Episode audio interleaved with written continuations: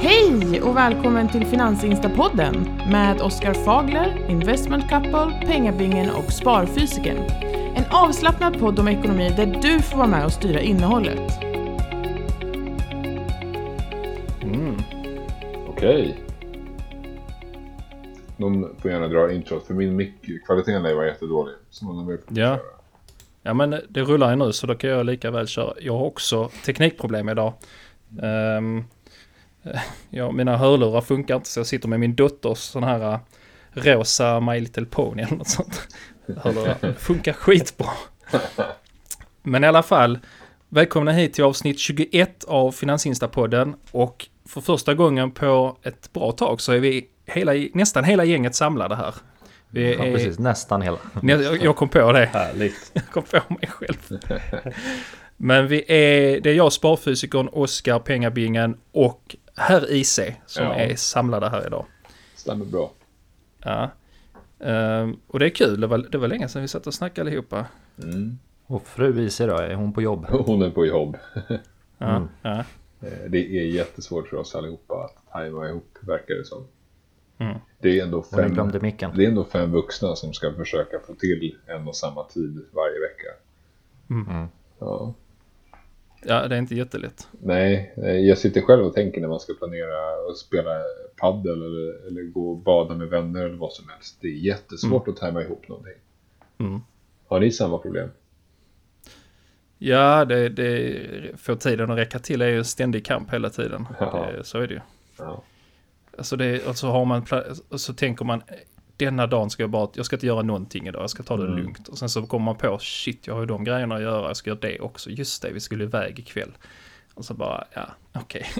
ja, just det. Ja, men jag tycker det har ändrats mycket.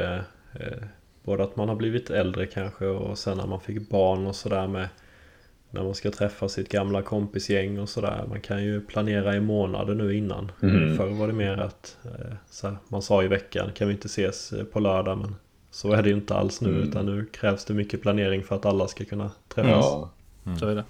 jag tror att många har varit i den här sitsen och tänkt när man var yngre bara så där kommer jag aldrig bli. Eh, Ja. men, men till slut blir man ju så. Alltså jag tänkte så när jag var liten, jag kommer vara jättesocial när... Ja. Men alltså man har, när man får barn så ändras ens prioriteringar. Ja, Eh, Alltså så är det. Det är kul att festa när man är 20-25. Det är inte lika kul att festa på samma sätt när man är 40. Det, det, är, inte bara, det, är, det är inte det, jag tycker inte det liksom. ja, Så man har ju andra saker att göra så att, som är roliga. just det. Ja, och sen tar det en vecka att återhämta sig också istället för Vissa. Annars var det mer Det så här, man, man kunde gå och äta frukost och sen var man game. Ja, ja. Men så är det ju inte alls längre. Jag sa det, jag sa det till Ise. Ja, vi- det- Man mår så dåligt nu för tiden. Ah, Ja, vi, ja, eh, det är fruktansvärt. vi träffades ju faktiskt idag. Eh, jag, fru IC och Oskar. Ja, just det. Ja, och då pratade vi just om det här. Det här var halva samtalsämnet. och sen så fick vi såklart prova den eh, grymma Teslan. Mm. Eh, shit vilken bil. Fick du köra den? Nej, men det var, jag Va? vågade inte. Det kan jag inte låta. Jag, våg, jag vågade inte. Så långt sträcker jag mig inte. Nej, jag förstår Oskar. Nej, men shit vilken bil det är. Eh, Mm. bara, bara den där eh, 0 till 50, 0 till 60, helt galet. Det är en sekund. Ja, helt sjukt. Man har ju sett sådana här videos där, där är, jag såg någon video med eh, Lamborghini, Lamborghini-killar fick provåka Tesla, eh, den här Plaid.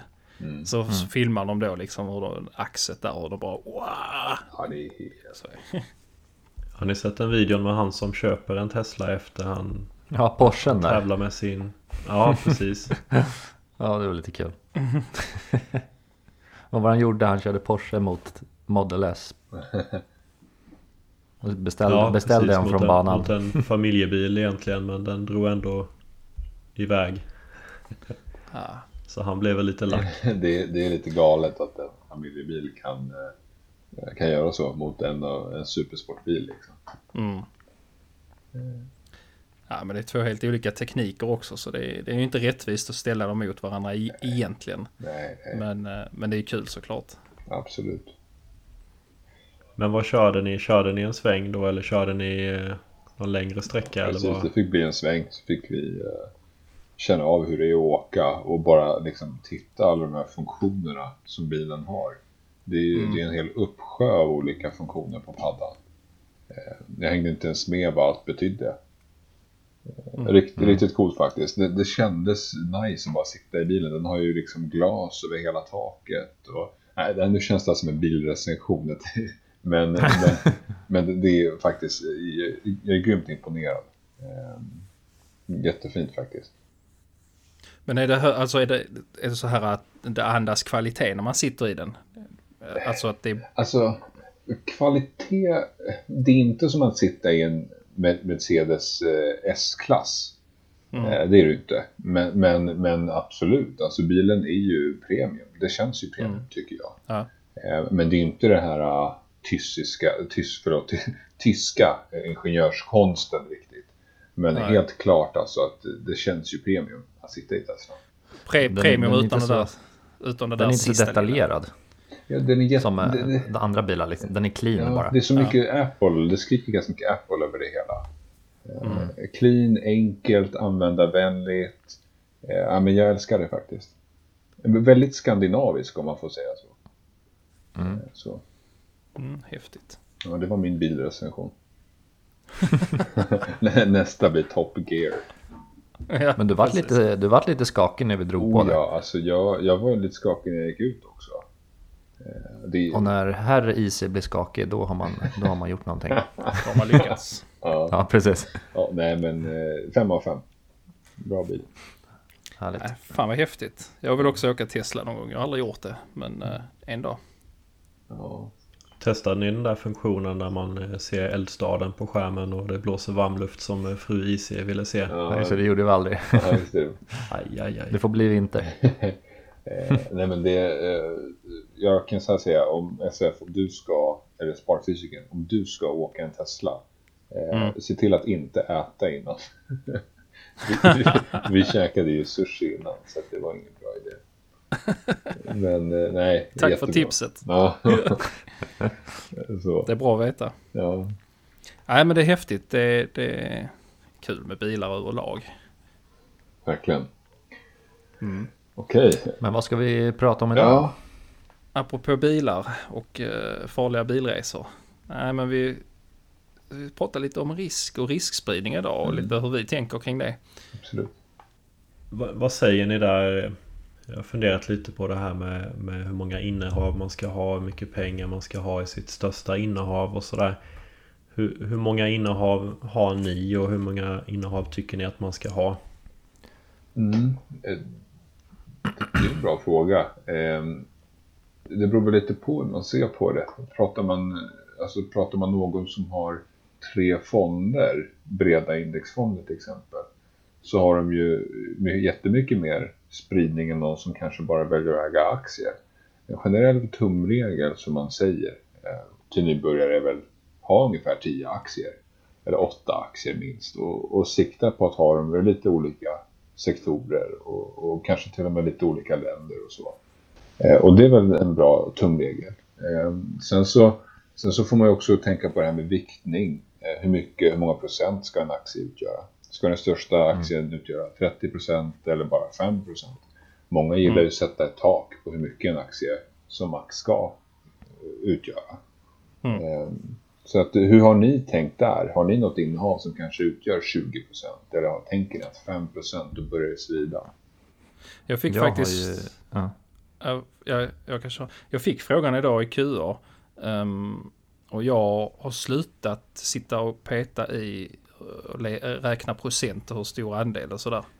Ehm, jag, jag jagar inte något sånt. Jag, fyller, jag har börjat fylla på mer regelbundet eh, lite jämnt över alltihopa. Mm. Men eh, jag, har, jag fick faktiskt räkna nu på Avanza. Jag har eh, 24 innehav. Eh, och det stör, enskilt största är Tesla.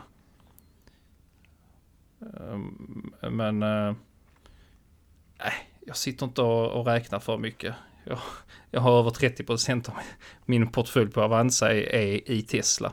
Men nu har jag ju i, på andra ställen också så att det, det kanske utgör 12, mellan 12 och 15% totalt sett. Ja. Men jag har ganska, jag har som dig, jag tror jag har 25 stycken. Eh, men jag har ju betydligt större vikt i några av dem.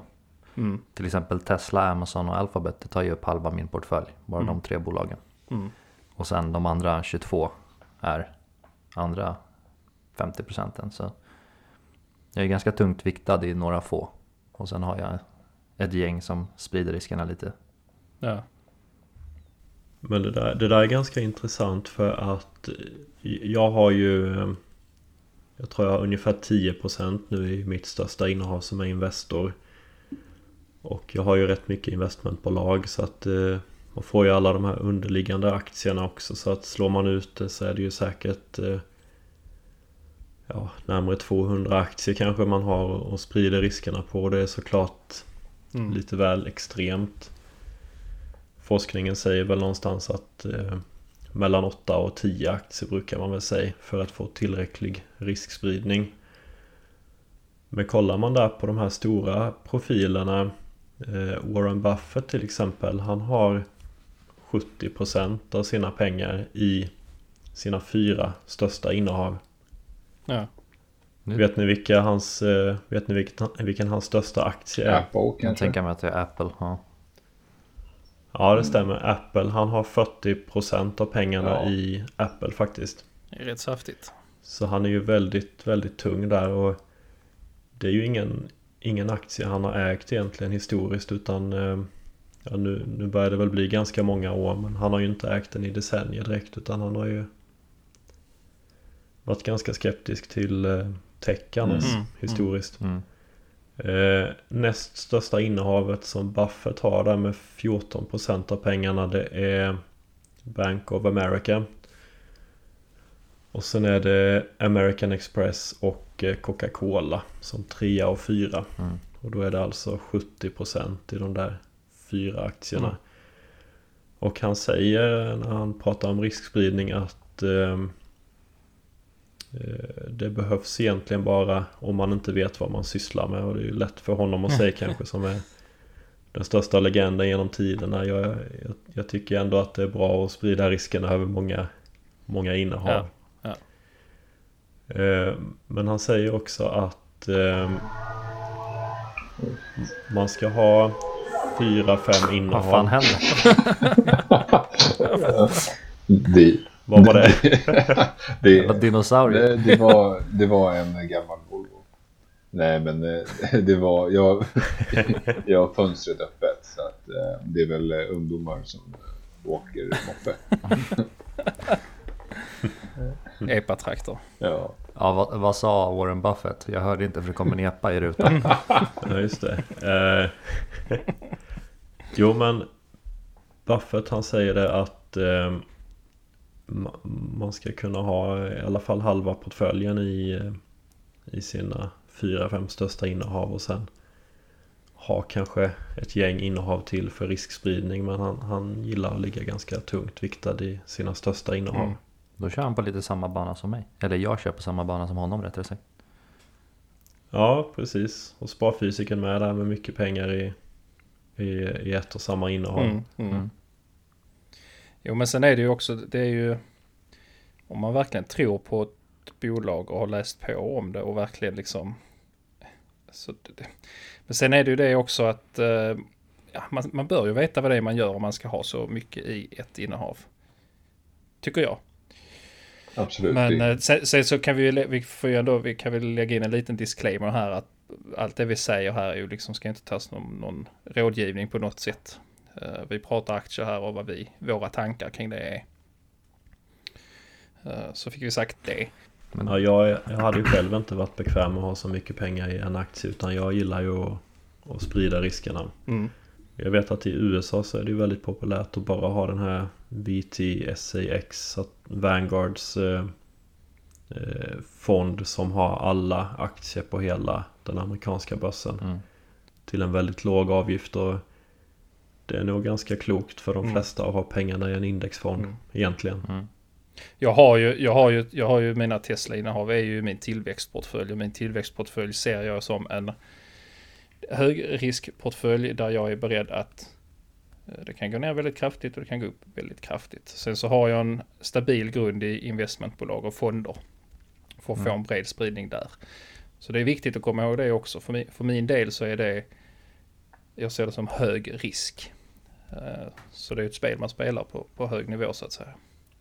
Men känns, ja, men jag håller med dig där. För mig är det ett sätt att, att skydda min portfölj mot mig själv på något sätt. Att man, man litar inte riktigt eh, man litar inte riktigt på sig själv. Jag har slagit index de senaste tio åren men det kan vara en stor del tur inblandat där. Det, mm. det vet jag inte riktigt. Mm. Man får se om 20-30 år om man fortsätter göra det. Annars så kan det kanske vara, vara klokt att ha en del pengar i, i fonder eller investmentbolag för att sprida ut riskerna lite. Mm. Men det är som uh, Charlie Munger och Peter Lynch. Nu, jag hade ett inlägg om det förut. Båda de är grymma investerare. Men Charlie har ju haft, han har inte haft mer än fem bolag totalt i sin portfölj. Och han har ju lyckats hur bra som helst. Mm. Och eh, Peter Lynch har ju haft tusen. Så ja, det finns egentligen inget rätt eller fel. Typ. Nej, precis. Båda har ju lyckats väldigt, väldigt bra. Mm. Men sen pratar man ju också om att statistiken visar ju att, eh, att globala indexfonder är, är något av det bästa man kan placera sina pengar i. Mm. Men eh, det är ju inget som säger att det blir så framöver. Som allt Nej. annat liksom. Eh, men, men jag själv har slutat peta runt för mycket i portföljerna.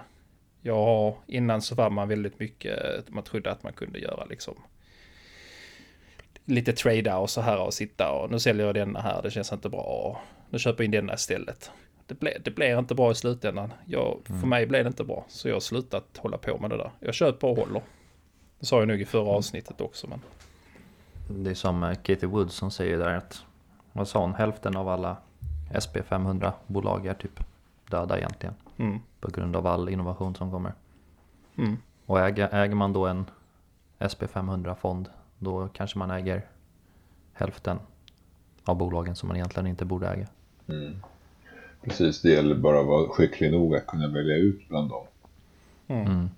Eh, och då kan man ju förhoppningsvis också, om man är duktig, överprestera index. Nu är det ju väldigt, väldigt svårt, men det finns ju bevisligen de som gör det. Mm. Eh, sällan någonting att sträva efter för de allra flesta, men det går eh, om man, om man är mm. duktig. Det man ska komma ihåg också att på börsen det räcker ju att få en medioker avkastning egentligen och det blir ändå väldigt bra om du håller på över 20-30 år. Mm. Du behöver liksom inte vara bättre än genomsnittet utan det räcker att du är genomsnittet. Mm. Ja, precis. Det var ändå klokt sagt. Eh, jag tänkte på Spiltan-aktien. Ni vet den onoterade. Mm. Det är ju ett investmentbolag där de har, jag tror det är 60% av pengarna i Paradox, spelbolaget. Där de eh, investerade väldigt tidigt, långt innan Paradox eh, blev börsnoterat. Och de har ju gjort en helt fenomenal resa där och de har ju lyckats behålla eh, större delen av sitt innehav i Paradox. Mm. Så det kan ju också bli så att har du 20% eh, av pengarna i en aktie och den går väldigt, väldigt bra. Ja, men då kanske den är 60-70% av din portfölj. Mm.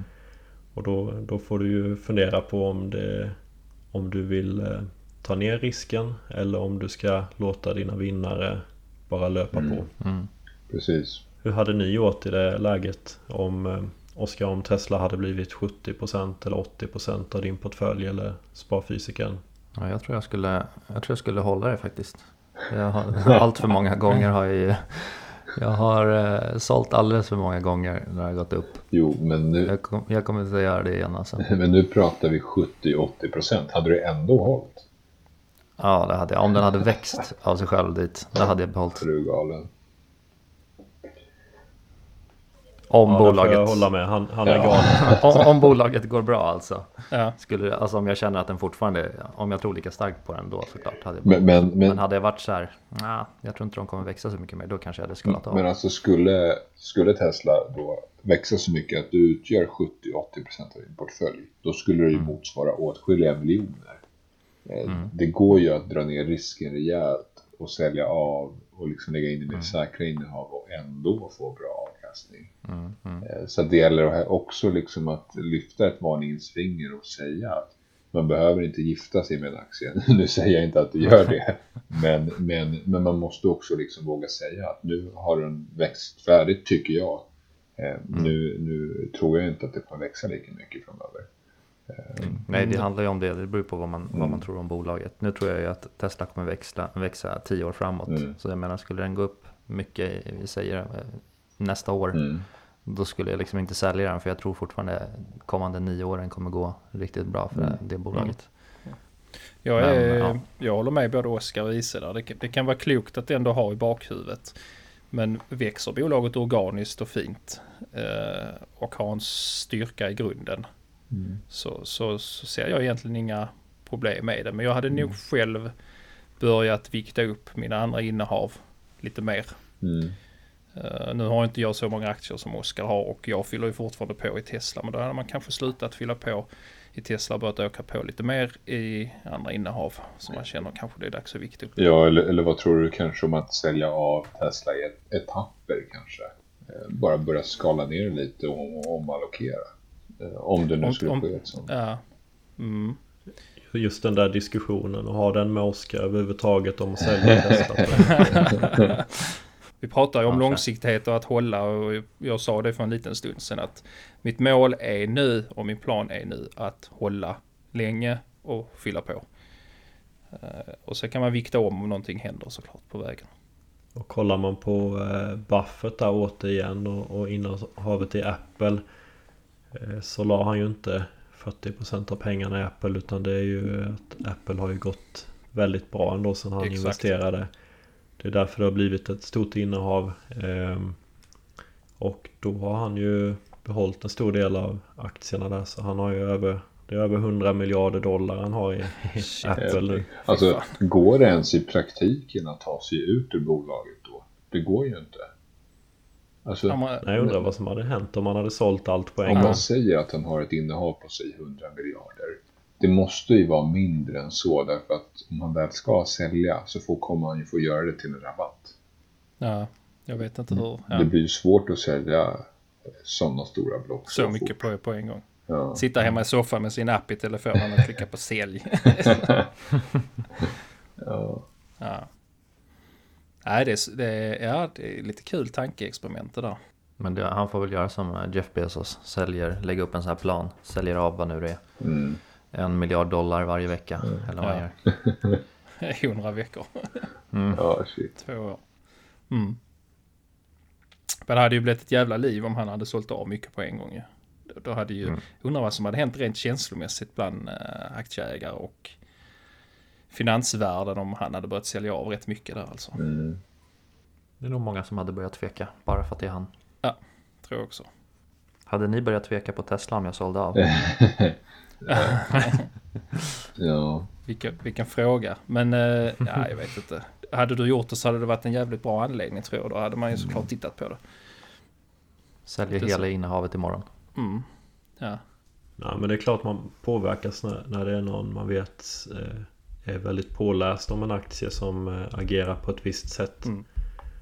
Men eh, det är ändå väldigt viktigt att man alltid gör sina egna investeringsbeslut och tar in information från många olika källor så att eh, Precis.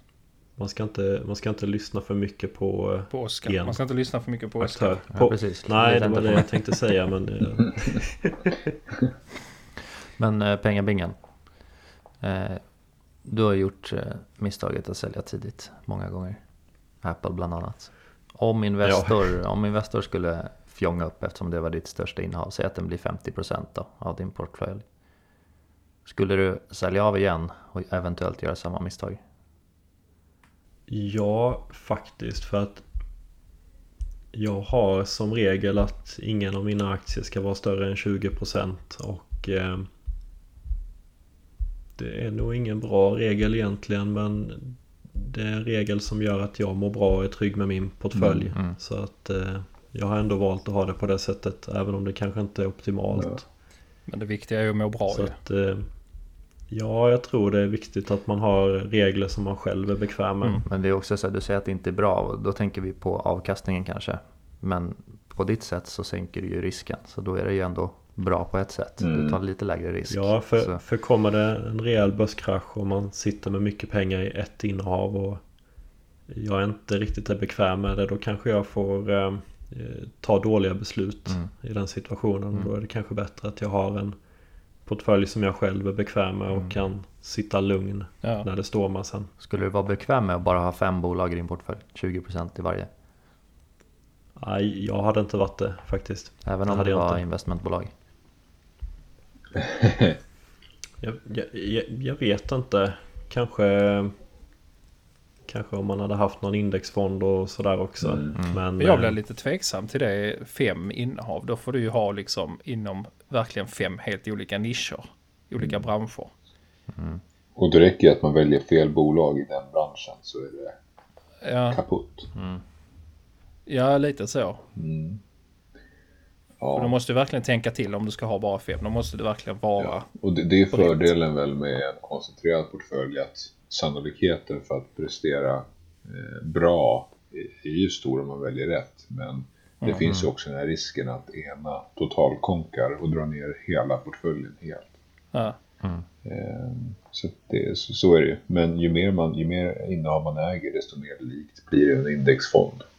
Eh, Så, så är det ju. ja, ja absolut.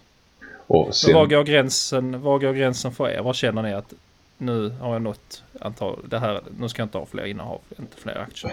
det känns som att kring 40-50.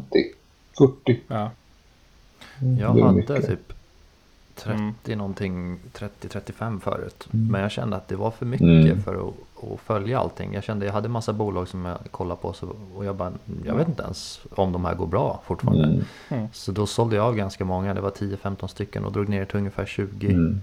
innehav. Mm. Och ökade mer i några, typ Tesla, Amazon, Alphabet som jag har bättre koll på. Mm. Och sen lite mindre i dem jag har lite mindre koll på. mm.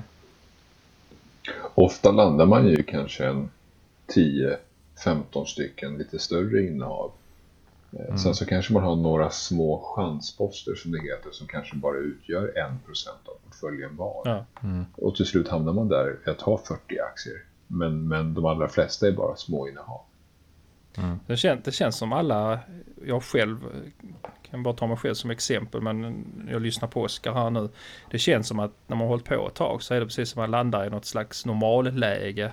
När man hittar en moderat nivå som passar en själv. Liksom. Ja. Man håller på i början och pilla mycket och sälja och köpa och ta in. Och, och sen så efter ett tag inser man att det är både tidskrävande och man är inte bra på det. Och eh, som Oskar sa, man tappar kanske lite kontrollen och, och på det. Och sen hittar man ett tror- läge där man liksom surfar fram rätt stadig takt. Jag tror det är lite svårt också i början för det är, det är så mycket man vill köpa. Jag tror inte man har liksom, eh, vad säger man, eh, kontrollen på att liksom bestämma sig vad. För så, så man köper massa som man gillar och sen så sitter man där med 50, jag vet ju några följare har ju 250 bolag eller 250 aktier. Och där vet man ju, det, det, är, ju- det är inget, de kan ju inte följa det liksom. Nej. De kan inte följa 250 bolag och ha koll på alla. Det, Mm. det är bara så. Men det är ju säkert, ja men det här lät intressant och så köper de den och sen så hittar de något nytt och det här låter intressant och så. Och så ligger det och puttrar där bara liksom. Och det kan ju funka, det kan ju gå jättebra. Men då har du ju ingen koll på egentligen vad du äger efter en liten tid. Då, då blir man lite som en indexfond Mm. om man inte är Peter Lynch och eh, ändå mosar index. Mm. Precis. Ja, för att det blir, det blir, alltså för mig handlar det också om tiden att sitta och hålla på. Jag, jag har inte liksom, och jag har börjat tveka mer och mer när jag ska köpa något. Så då börjar jag mer liksom, är detta verkligen ett bolag jag tror på? Vill jag ha detta i min portfölj? I början så var det mer bara, ah det här låter coolt och så tog man in det. Jag har Eh, börjat gilla lite så större bolag också för jag gillar när det rör sig mer. Alltså Ja. typ en dag när bolaget går upp 4% så ser man verkligen att det händer en hel del. Jag Ja. ja. börjar gilla lite större poster i de jag gillar. Nej, men det, och det är lite där Ja, man ska ja. hamna också tycker jag. Det, är- det är ju liksom Som sagt var, man ska, man ska tycka om det man gör och hitta en trygghet i det. Då blir Mm. det oftast bäst.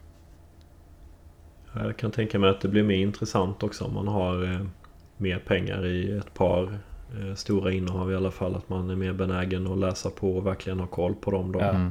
Ja men det är så. Jag har ju lite annan, jag har ju strategin att eh, nästan bara köpa aktier Där det finns en stark eh, huvudägare som Erik Selin i Balder till exempel. Mm. Och även om jag har många aktier då kan jag vara rätt trygg med att Erik kommer ha koll på Balder och Ilja Batljan kommer ha koll på SBB och så vidare. Mm. Det känns, Så att eh, känns som en finns det en bra ägare så, så kan jag vara lite lugnare med att ha fler innehav. Ja. Tycker det låter som en klok plan faktiskt. Eh, att ta rygg på de här stora ägarna, helt klart. Det blir en trygghet i sig det. Sen eh, när det, när det gäller fonder i Sverige så finns det ju lite eh, regler som de måste följa. Jag tänkte vi kan ta upp det lite med. Det finns något som heter USITs fond. Och då finns det en regel där att största innehavet får max vara 10% och man får maximalt ha eh, fyra sådana innehav då så att de här största innehaven får max vara 40%. Ja, det är så intressant. Ja, så att det blir ju ofta att de sitter på eh, Ja, de går ju aldrig över 10% i, i en aktie och de har ju ofta väldigt många aktier för att sprida riskerna. Mm.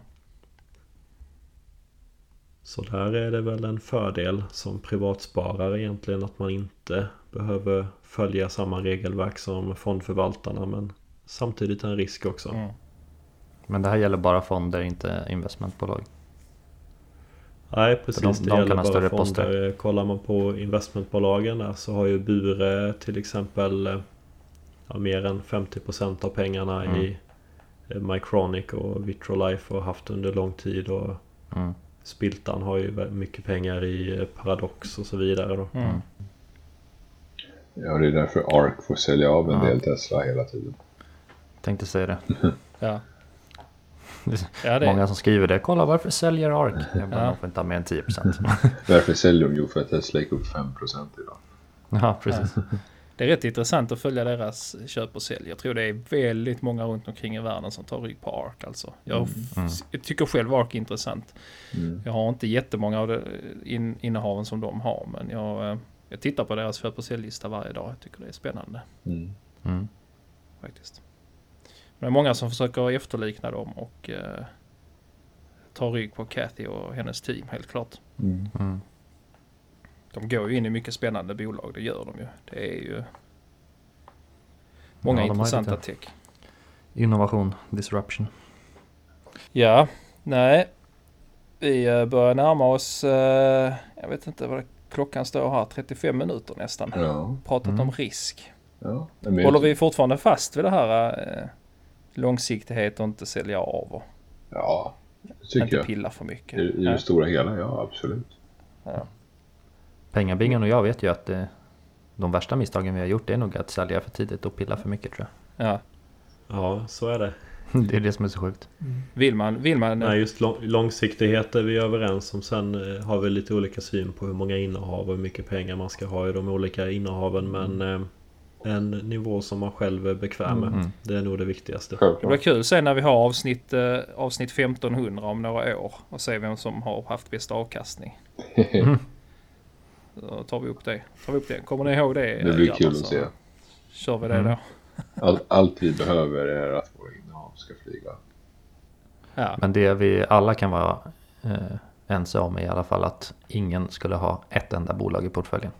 precis. Ja, det, hade jag, det, är, det, det måste vara väldigt ovanligt att någon... Alltså jag tänker om småsparare kallar jag oss. Såg du inte Avanzas statistik? Det var ju hälften hade ett bolag typ. Ja, Var det så? Ja, det är faktiskt läskigt. Man, man tror att det är väldigt ovanligt men det är det inte. Utan många sitter med alla pengarna i Ericsson eller Telia eller någonting. De har varit med i eh, IT-bubblan och sen satt de med Ericsson och sen gav de upp när den smällde.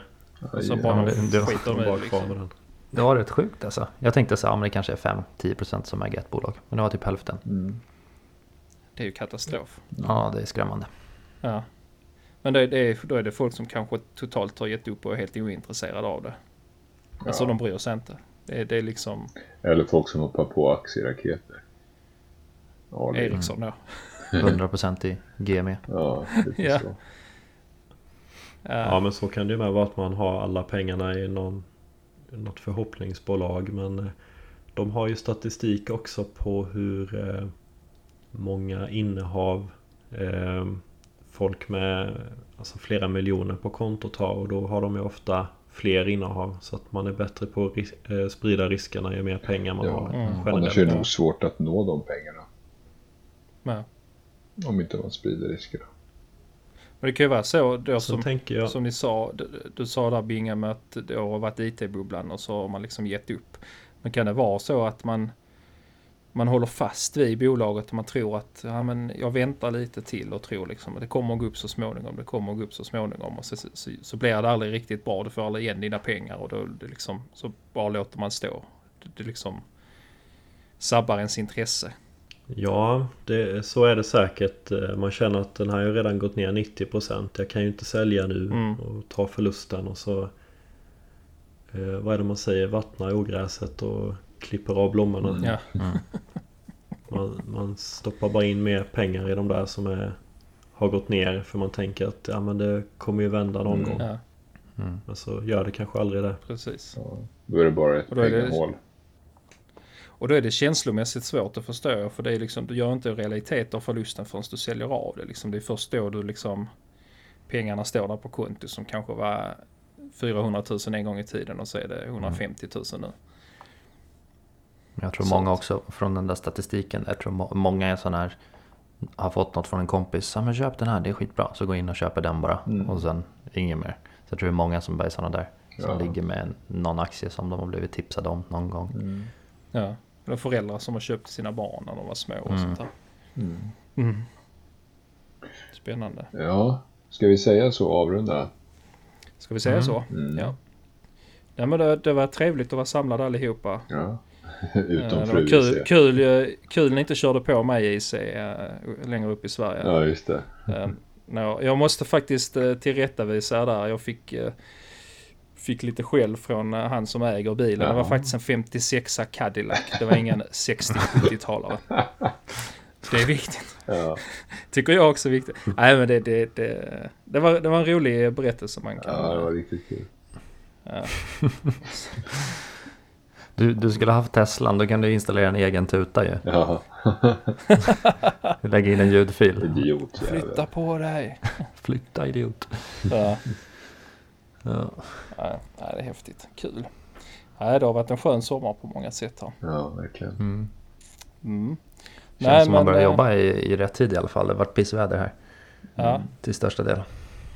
det har, det kom faktiskt en rejäl, rejäl regnskur här i Skåne nu för en stund sedan. Mm. Men ja, sommaren lider mot sitt slut. Det är Mm. den åttonde idag när vi spelar in så att det är snart höst och rusk. Är ni sådana här höstmänniskor som tycker om att så här krypa upp med en film och Ja, visst. tän- tända lite ljus och Ja, drick, Just dricka det, lite här? IC hatar ju värme. ja. Jag, jag, tycker, Eller sol. jag tycker alltid det är så varmt. Mm. Ja. Det går liksom inte att Ja. inte tycka det när det är så 30 grader ute. Ja, jag, jag har också Han har svårt lagt att sin funka det. semester i oktober istället. Ja, Ja, precis. Nej, men jag tycker det är okej med höst och, och vinter så länge inte det är slaskiga, äckliga, blöta. Mm, mm, Ja. Allt Annars eller inget liksom. precis. Mm, håller med. här nere blir det ju aldrig någon riktig vinter. Här nere blir det liksom en grå massa i bästa fall. Mm. Det är så jäkla tråkigt. Ja, så är det. Får komma upp och hälsa på eh, i, längre upp i landet. Mm.